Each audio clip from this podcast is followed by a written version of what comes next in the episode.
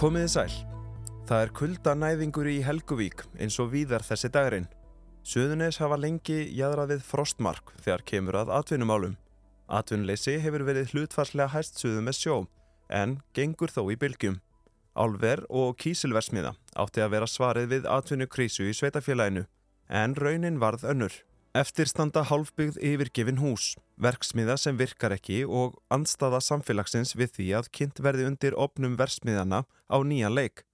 Það er að segja versmiðinni sem náði þó að komast í gang. Eigandin er farin á hausinn og Arjónbanki situr uppi með svartapjötur, verksmiðu sem enginn vill eignast og fólki vill ekki sjá. Og það hefur kostað skildingin. Tap Arjónbanka og fjárfesta á kísilveri United Silicon er 22 miljardar króna. Viðræður bankans og PCC sem rekur kísilvera á bakka við Húsavík um kaup var formlega slitið á dögunum. En þær viðræður mættu mikilli anstöðu meðal sveitastjórnarmanna og íbúa í Reykjanesbæ. Ég heiti Bjarni Rúnarsson og saga atvinnu uppbyggingarinnar í Helguvík sem aldrei varð er helst hjá mér í dag.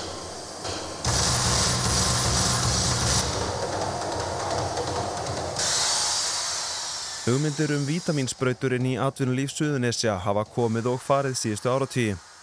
Einn slík er sagan af Helguvík sem verður hér skipt í tvent. Annars vegar í það sem lítur að álveri og á eftir skoðum við svo Kísilveri United Silicon. Byrjum á að reyfja upp sögu álversins sem átti sér nokkurn aðdraðanda. Í júni 2006 sömdu Orkuveitan og HS Orka um sölur aforku til álvers Norðuráls og þá var líka gerður lóða og hafnasamningur. Strax í upphafi heyrðust efasemda rattir um að næg orka væri til staðar. En það var létt yfir mannskapnum þegar fyrsta skóplustungan var tekin í júni 2008. Ráþeirar sveitastjórnamenn og fórsvarsmenn Norðuráls tóku fyrstu skóplustungurnar að álver í Helgavík í dag. Bæjarstjóri Reykjanesbæjar býst við að samkomulag um háspennulínu fyrir álverið náist á næstunni. Tveir mótmælendur voru handteknir meðan á aðtöfninni stóð. Norðurál og íslenskir aðalvertakar undirritu í dag samningum byggingu kérskála fyrir álveri Norðuráls í Helguvík.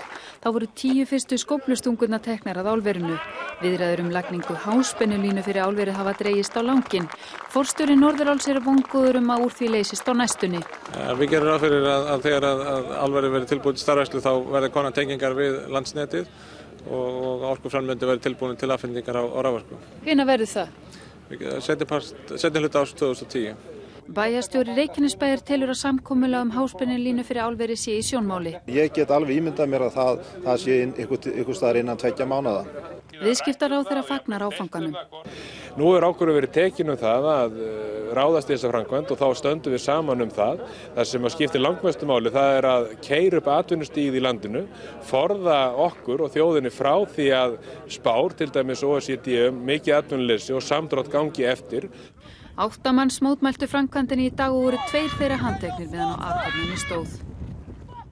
Þarna heyrðu við í þeim Ragnari Guðmundsinni, þá forstjóra Norðuráls og Björgvin G. Sigursinni, þáverandi viðskiptar á þeirra. Þetta var í júni 2008. Kort er í hrun. Eins og gefur að skilja gerist ekki mikið í þessum áformum mánuðina á eftir. Svo leið og beigð og óþreja suðunni sem hanna var einkennandi framann af árið 2009. Enda fundu þeir eins og aðri landsmenn hressilega fyrir atvinnuleysi vegna hraunsins. Framkvæmdir hófust þó í lok 2008 og við greipum næst niður í frettir frá haustunni 2010. Álver Norðuráls í Helguvík er fjarlægur veruleiki. Raforku samningar fyrirtækisins er í uppnámi en þótt er gangi eftir vantar en 100 megavatta af raforku til að knýja álverið. Upphálega ráallanir Norðuráls gerur á fyrir 250.000 tonna álveri en nú er stemt að því að reysa 360.000 tonna álveri í fjórum áfengum á 5-10 árum. Um 100 mann starfa nú við byggingu álversins. Álvinnsla hefði átt að hefjast í Helguvík í þessu mánuði ef upphaflegur samningur um orkuöflun hefði gengið eftir. Blikur er á loftum að hætt verði við byggingu álversins innan tíðar. Það eru rúm fimm ár síðan byrjað var að tala um álver í Helguvík og upp úr því fór allt í gang. Í april 2006 var skrifað undir hafna- og loðasamning. Tveimur mánuðum síðar sömdu Orkuveitan og Hitaveita Suðunessi um orku sölu til álversins. Þá þegar voru komna fram efasemtur um að næg orka væri til staðar. Samkvæmt heimildum fréttastofu er þólinnmæði stjórnenda Century Aluminium eiganda Norðuráls á þrótum og það sé aðeins spurningum hvenar endanleg ákvörðum verið tekin um að hætta við.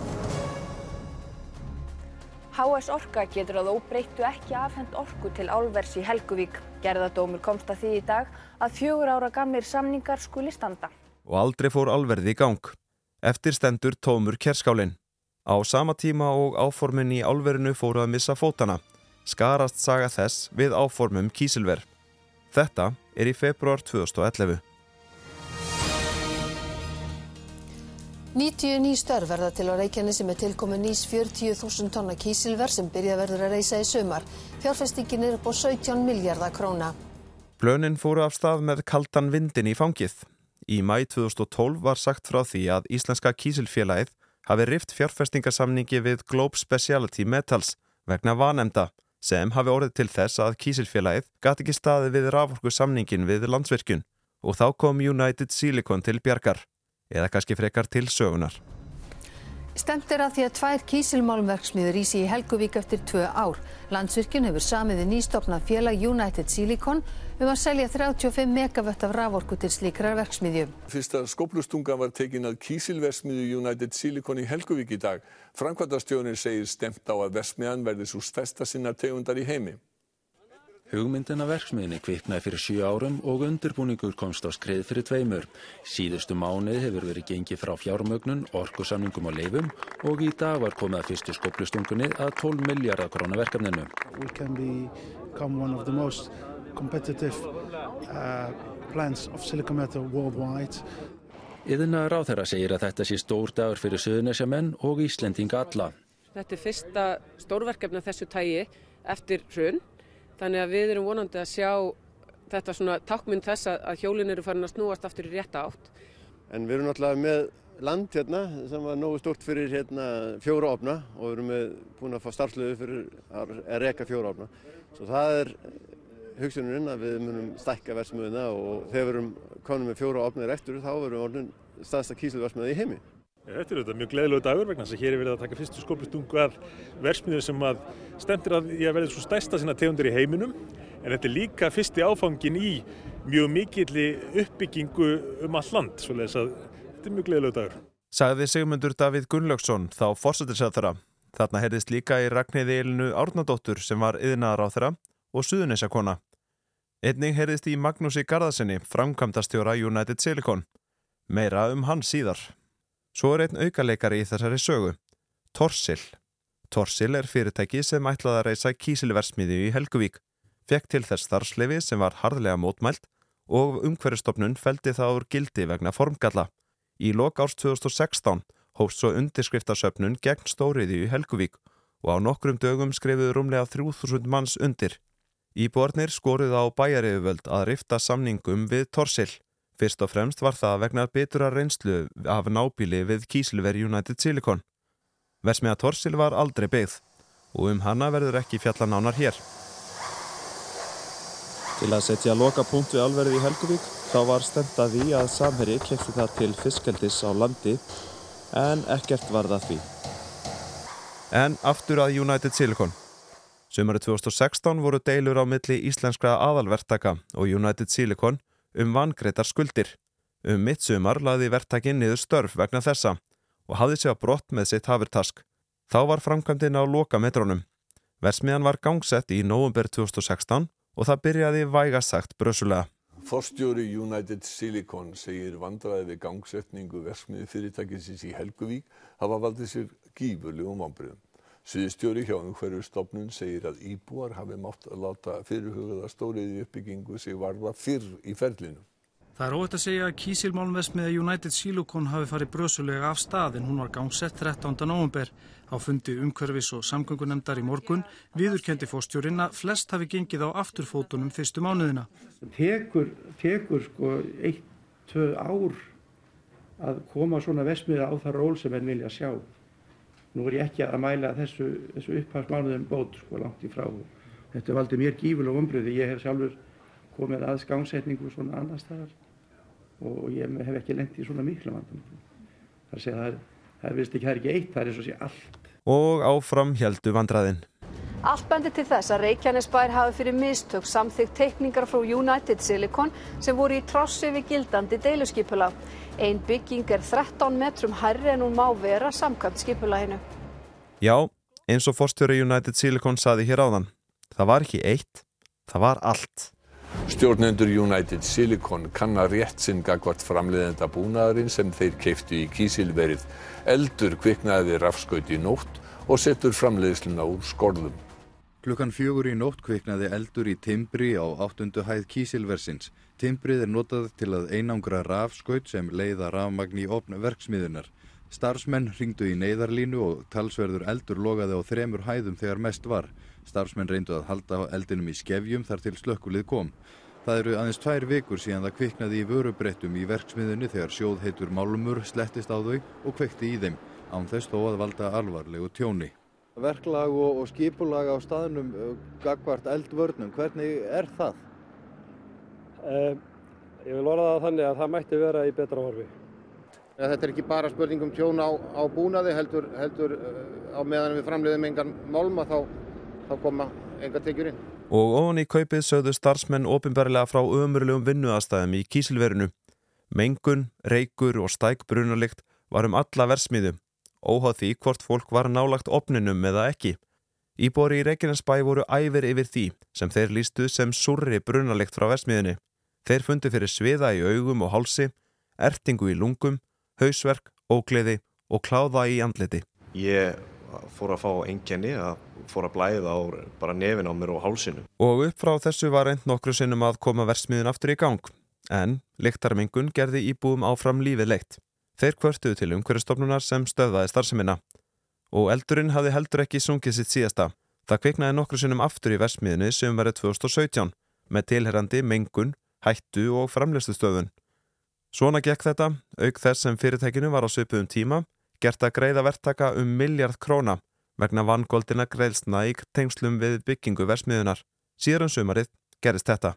Gjaldþrótt var það eina í stöðunni. Á síðasta verk United Silicon var að greiða 56 starfsmönnum fyrirtækisins laun. Stærsti kröfi hafinn gerir sér vonir um að selja verksmiðuna og telur söluverðmæti hennar ekki rýrna mikið við gjaldþróttið. Bæjarstjóri Reykjanesbæjar segir að herða þurfi ólina í rekstri bæjarins komi ekkert í staðin fyrir United Silicon. Á þessum tímapunkti hafði umhverjastofnun fengið um 400 kvartanir vegna mengunar frá kísilverinu. Björn Ólafstóttir, þá umhverjusráþera, saði í færslu á Facebook að íbúa Reykjanesbæjar hefðu verið sviftir frelsi sínu. Umhverjastofnun stöðvaði svo starfseminna 1. september 2017. Í byrjun ást 2018 var svo félagið úrskurðað gjaldtróta og Magnús Garðarsson, einn af stopnendum og aðalegundum félagsins, hann komst í hann krappan. Í mæ ákjærði héraðsaksóknari Magnús Garðarsson stopnanda United Silicon fyrir almanna hættu brot og líkams árás af gáleysi. Hann á að hafa ekki Tesla-bifrið sinni á alltaf 183 km hraða vestur Reykjanesbrut. Hann óg aftan á bíl við Kvassarhraun, bílinn hafnaði utan vegar og aukumæðurinn slasaðist. Síðar áttu eftir að koma fram aðrar kærur á hendur Magnúsi og af öðrum toga. Stjórn United Silicon hefur kært Magnús Garðarsson fyrverandi forstjóra og stopnanda United Silicons til ennbættis héraðsaksóknara vegna grunnsum stórfæld auðgunarbrót og skjálafals. Svo virðist sem að tilhæfilegustu reikningar hafi verið getnir út og þeir greittir í góðri trú að fulltrúum fyrirtækisins. Þetta var í speiklinum í byrjun ást 2018. Síðar það ár stemdi þrótabú United Silicon Magnúsi öðru sinni fyrir meint fjársveik og fleiri hafa lagt fram kæru á hendur Magnúsi fyrir meintar miðskjörðir og eignir hans hafa verið kyrsettar, þar meðal umrætt Tesla. Og eftir sitja kröfuhafarnir með verksmiðu sem ítla gengur að koma í verð. Ímislegt hefur verið reynd til að koma versmiðinni úr höndum bankans. Nú síðast að selja PCC á bakka verksmiðuna til áframhaldandi framleyslu. Eins og hefur verið nefnt kostar það bankan gríðala fjármunni að eiga versmiðuna. Framan af stemdi bankina því að koma henni í gang en verðmæti hennar rýrnaði verulega síðustu ár. Í frétt kjarnans frá 2020 kemur fram að bókvært virði versmiðunar sé komið niður í 2,7 miljardar, samanborið við tæpa 7 í byrjun árs 2019. Benedikt Gíslason, bankastöri Arjón Banka, saði í viðtali í byrjun mánadar að verðmætið væri nú um 1,5 miljardur. Vonandi finnum við þessu nót í einhverju annari innan framlegslu sem er grænni. Hversu mikið hefur Arjónbanki tapað á þessu? Arjónbanki og fjárfestar sem koma að þessu verkefni hafa tapað yfir 20 miljardar á þessu verkefni. Já, það er óvisa um hver örlög Helguvíkur verða. En ljóst að það hafa miklir peningar farið fyrir lítið í því sem hefur verið reyntinga til. Ég heiti Bjarni Rúnarsson og Rakvallasaga Helguvíkur var helst hjá mér í dag.